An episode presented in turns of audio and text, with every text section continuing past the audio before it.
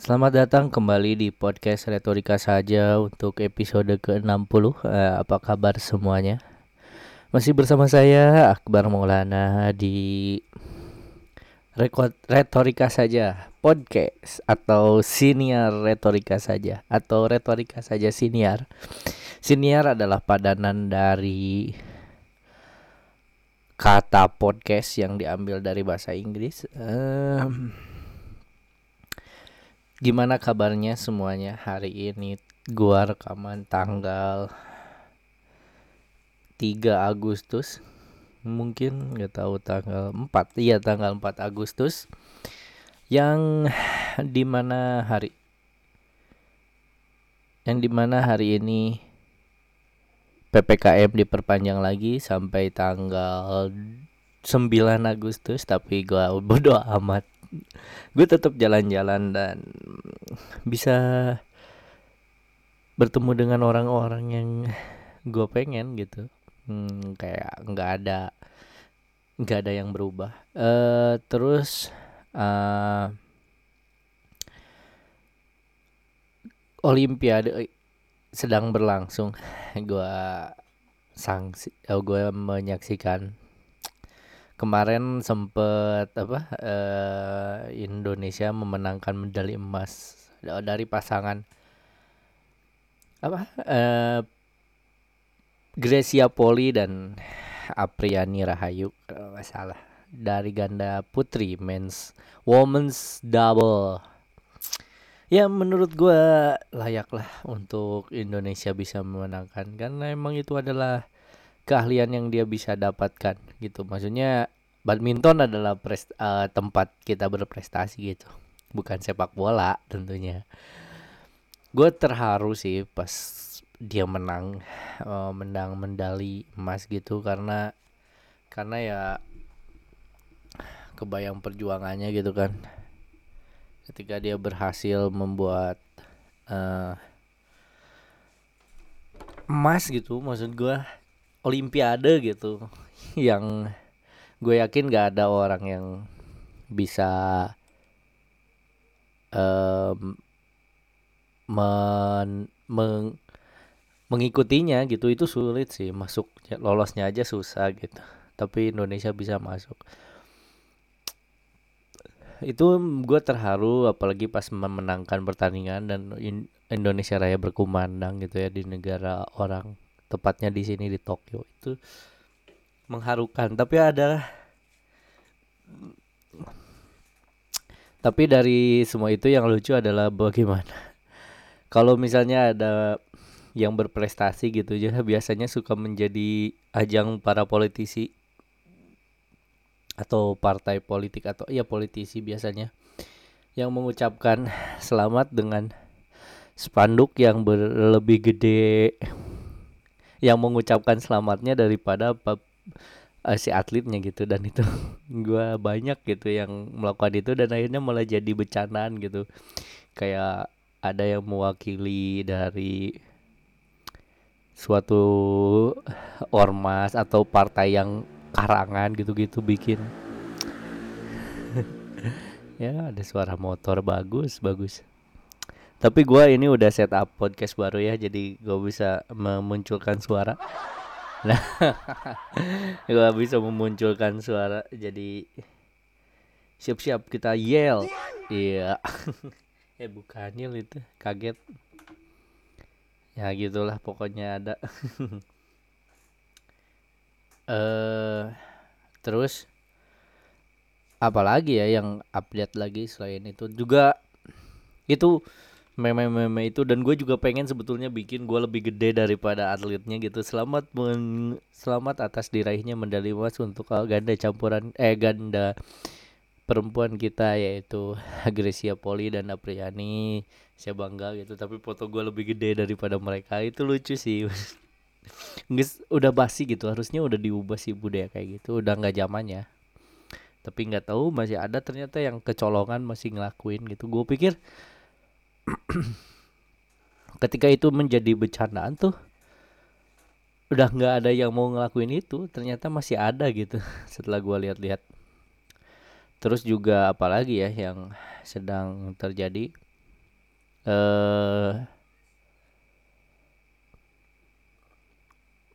eh terus ada lagi yang menyebal emang kita tuh sebetulnya dirancang untuk menjadi orang yang menyebalkan gitu ya gue tuh sebetulnya emang suka nget suatu paham gitu bagaimana seseorang itu ngetrol gitu. Kayak contohnya orang yang ngetrol tuh kayak lu pernah eh, me, me, meng, merendahkan atau tidak mengapresiasi sebuah prestasi gitu. Dan itu menurut gue kayak aneh. Dan tapi gue tuh heran kenapa ada orang yang tersinggung dengan perkataan orang yang ngetrol gitu jadi ceritanya gini ada orang yang pertama kali dapat perung apa?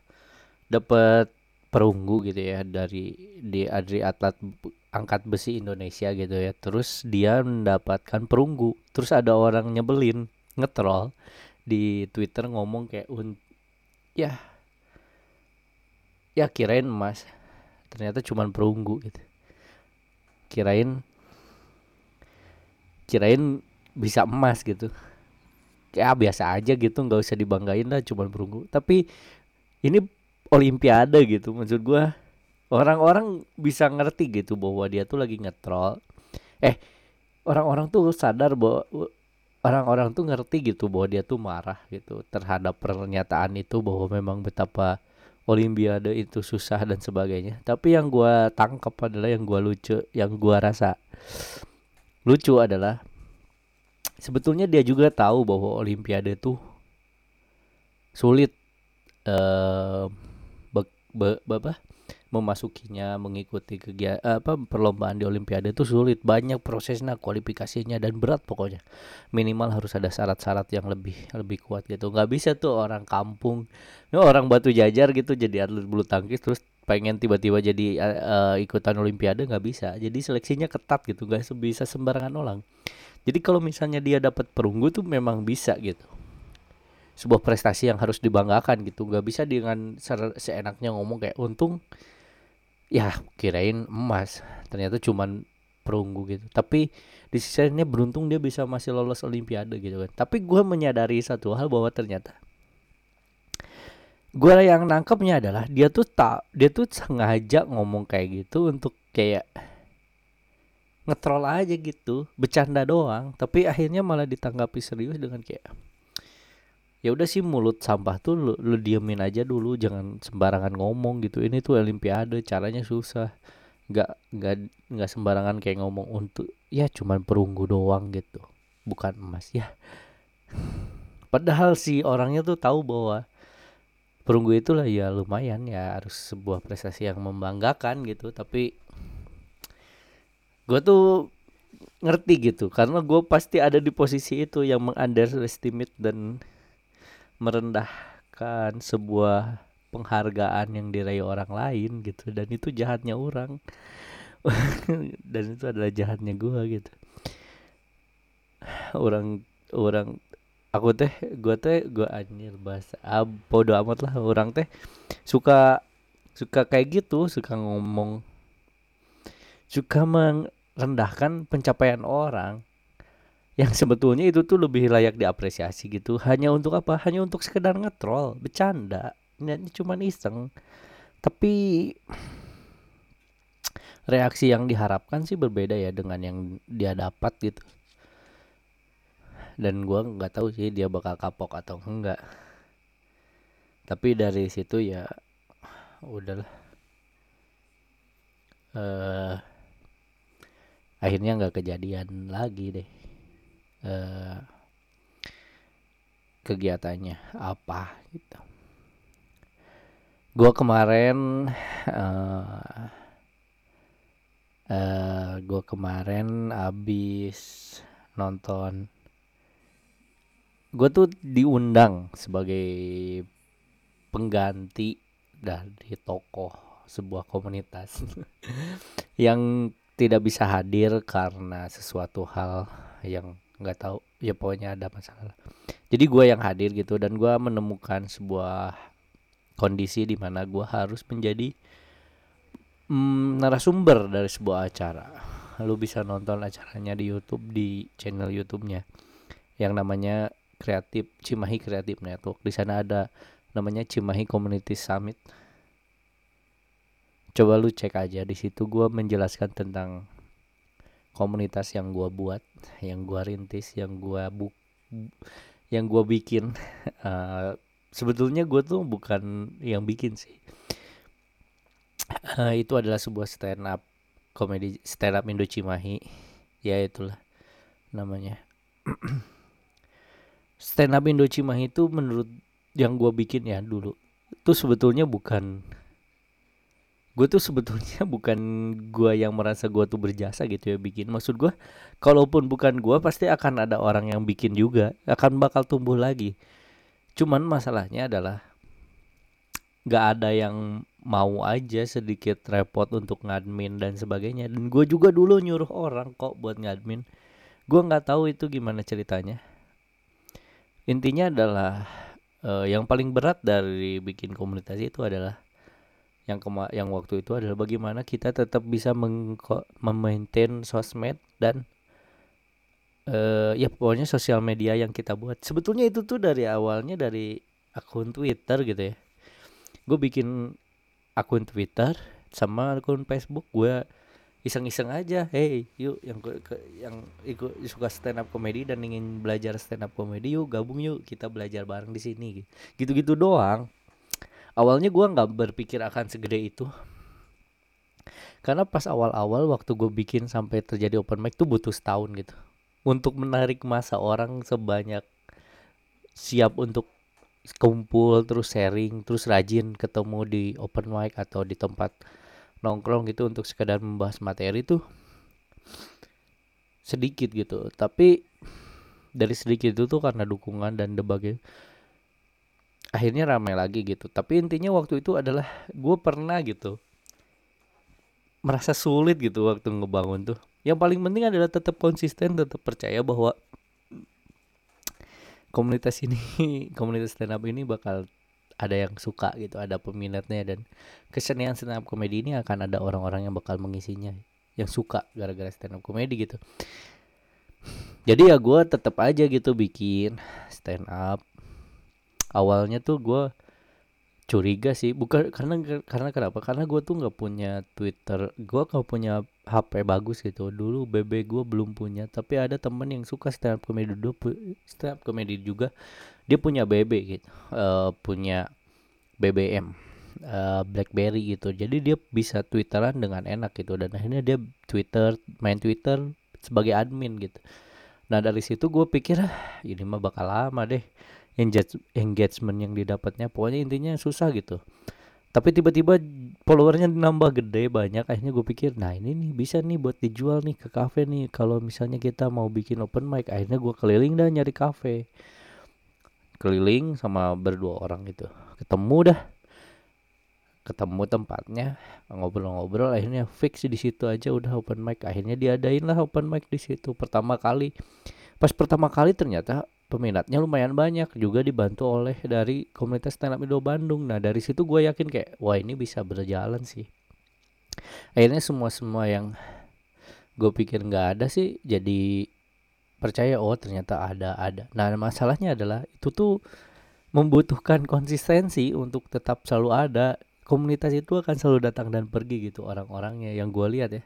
Dan memang terasa seperti itu gitu. Gue pernah bahkan saking ketika susahnya gitu ya ketika struggle-nya komunitas gue pernah cuma dua orang datang ke kafe hanya untuk ngobrol stand up gitu. Gue udah ngadmin udah ngadmin hey kumpul ke sini nggak ada siapa-siapa cuman gue doang. Itu juga pernah gue alamin gitu dan gue kadang gue cuma dua orang terus nongkrong terus bahas materi belajar dan stand komedi apa pun terus balik lagi bahas hal-hal yang kayak gitu gitu.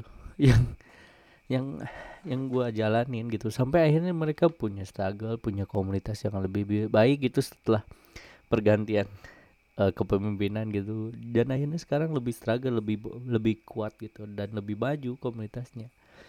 Dan gue bangga akan hal itu gitu. Cerita gue stand up comedy sih awalnya dari gue tuh awalnya ikut nonton gue nggak sengaja. Waktu itu lagi main di rumah temen temen SMP gue tuh tahu gue suka stand up comedy dari sebelumnya. Gue tahu gitu bahwa di Suci itu ada eh di Kompas TV itu ada stand up comedy. Tapi sebelum itu gue nggak tahu bahwa itu tuh cuma jadi tempat gue buat keluh kesah doang. Tapi pertama kali gue tahu kok stand up comedy tuh gue pengen ada orang yang kayak gitu tuh di sini tuh gue seneng gitu nonton stand up comedy itu adalah gara-gara gue tuh entah di mana gitu sempat nonton American Got Talent terus di situ ada orang yang sedang stand up comedy sedang satu orang nenek-nenek sedang melawak gua nggak tahu itu siapa. Dari situ gua tahu bahwa ini adalah sesuatu yang gua seneng gitu bahwa gua tuh seneng melawak bukan bukan sekedar melawak ya tapi gue seneng orang ngomong sesuatu yang mem mem membuka pikiran tapi sekaligus lucu gitu kontroversial gitu. Pokoknya intinya ah, bisa jadi intinya adalah menjadi diri sendiri dan terbuka di atas panggung gitu. Terus kemudian gue tahu gitu sering-sering lewat. Tapi akhirnya gue tahu bahwa gue makin suka stand up comedy adalah ketika gue tahu ada stand up Indo channel YouTube-nya. Nonton Radit waktu itu. Nah dari situ gue tahu oh ini stand up comedy. Terus akhirnya tuh belajar belajar belajar. Gue cari tahu deh di mana tempat open mic gue ketemu lah tempat open mic yaitu di stand up Indo KBB eh stand up Indo Kabupaten Bandung. Jadi gue pertama kali open mic tuh di Kabupaten Bandung. Waktu itu gue materinya ya pokoknya intinya gak ada lah pokoknya kurang lucu. Nah habis itu gue langsung terus aja ke sana gitu di stand up Kabupaten Bandung. Jadi gue tahu tuh stand up komedi Kabupaten Bandung gimana gitu. Gue tahu ah, yang merintisnya siapa aja dan sebagainya gue tahu tuh kemudian ada acara Kompas apa? Ada acara stand up comedy di gua nggak tahu di Unpad gak tau apa lomba pokoknya intinya. Nah di situ gua open mic. Eh di situ gua daftar sebagai peserta gua tampil tapi gua ngebom. Nggak ngebom sih gua nggak lucu terus dikat di tengah. Nah akhirnya dari situ gue tahu nih bahwa oh ternyata ada banyak nah akhirnya di situ gue ketemu sama stand up Indo Polban teman-teman yang sekarang gue nggak tahu di mana tapi gue tahu orangnya. Dari situ gue langsung diajak untuk ikut ke beberapa cafe tempat stand up comedy Indo Bandung dibuat dan menjadi ajang open mic uh, komunitas stand up Indo Bandung. Di situlah gue open mic perdana jadi headliner. Terakhir tampil waktu itu sepi open mic ya jadi nggak ada senior. Yang senior cuman Andika Jamil sama Isman HS sama Reno waktu itu yang yang yang tampil open mic tuh cuman Isman HS doang gitu. Bang Isman Kang Isman. Gue jadi headliner. Nah di situ gue menceritakan tentang gue nggak nulis materi gue cuma cerita bahwa gue tuh baru pertama kali ke Bogor tempatnya luas. Pokoknya ketika lu tahu kan orang pertama yang ke datang ke kafe gitu kayak kampung gitu ya intinya adalah gue tahu bahwa gue tuh gak gak menyiapkan materi itu tuh. Gue cuma cerita kayak hari ini gue inget banget tuh mat. Uh, eh, gue bawainnya gini. Selamat malam semuanya terima kasih. Gue baru pertama kali datang ke Bobber Cafe ya. Uh, Bobber Cafe tempatnya kayak luas rame lega. Gue gitu doang ketawa gitu Uh, eh, gue ini ada di Batu Jajar ya jauh gitu di kampung. Dan gue bingung sekarang gimana mau pulang gitu ya karena gue nebeng sama teman-teman gitu. Dan mereka juga nggak mungkin nganterin gue jauh gitu. Terus dia bilang bahwa suruh nginep aja di kampus tapi kampusnya di portal gitu jadi gue nggak bisa lewat gitu. jadi gue nggak bisa pulang gitu. Mungkin gue bisa tidur di sini. Gue lupa lagi pokoknya gitulah. Terus dan ya uh, eh, gue udah lulus SMA dan gue masih nganggur. Terus tiba-tiba ada waiternya mbak mbak ya mungkin di si Bobber butuh ke pegawai gitu boleh aku kerja di sini ya ngelamar kerja di bank. Itu gitu dan gue merasa itu tuh lucu. Kenapa? Karena saking lucunya Randika Jamil sampai lagi makan ngakak sampai berlebaran gitu. Makanya berantakan lah pokoknya di situ gue yang makin yakin oh gini ternyata stand up comedy. Dan akhirnya gue makin tertarik lah dan akhirnya big uh, rajin bikin stand up comedy. Dan gue tuh sebetulnya nggak pengen bikin komunitas sendiri gitu. Karena awalnya gue pengen bikin uh, ikut aja. Cuman karena jauh gitu kan dari tempat yang lain akhirnya gue bikin lah. Siapa tahu lebih deket mah bakal lebih sering dan lebih gampang gitu buat lebih rajin ke open mic-nya gitu. Dan akhirnya buatlah komunitas stand up Indo KBB dulu awalnya gue bikin. Yang sekarang berubah jadi stand up Indo Cimahi karena KBB-nya gak punya kafe. Gitu pokoknya intinya. Terus juga pada akhirnya adalah gue vakum karena ketemu cewek. Dan fokus kerja yang mengakibatkan gue malas kalau pulang kerja lah harus langsung ke Cimahi gitu. Ya sama aja sih sama kayak dulu bahwa gue males jauh tapi ya kalau mau jadi stand up comedian ya harus capek-capek mau capek sih. Nah dari Bubur Cafe itu nah salah satu materi pertama gue di Bubur Cafe itu yang menurut gue nggak pecah yang ciptaan gue sendiri adalah ketika gue lagi ngobrol sama temen gue waktu SMA dia tuh kalau mesen batagor tuh suka lucu gitu. Karena dia ngomong gini bang beli batagor ya empat. Somainya tiga. Terus satu lagi apa? Uh, somai lagi. Terus si bangnya marah kayak kenapa nggak bilang aja sih empat somai gitu? Kenapa harus bang tiga somai? Satu lagi ya somai lagi gitu. Kayak sebel banget gitu. Kayak di prank. Nah di gitu doang gue materinya habis itu gue pamit gue pulang dan di situlah gue kayak wah nih seru nih. Tapi habis itu gue nggak tahu lagi gue nemuin materi apa. Salah satu yang gue cukup bangga gitu ya pernah uh, tampil di acara pensi nggak tahu apa pokoknya gue tempat tampil di sekolah aja di Seman di Kabupaten Bandung gue nggak tahu namanya tempatnya apa.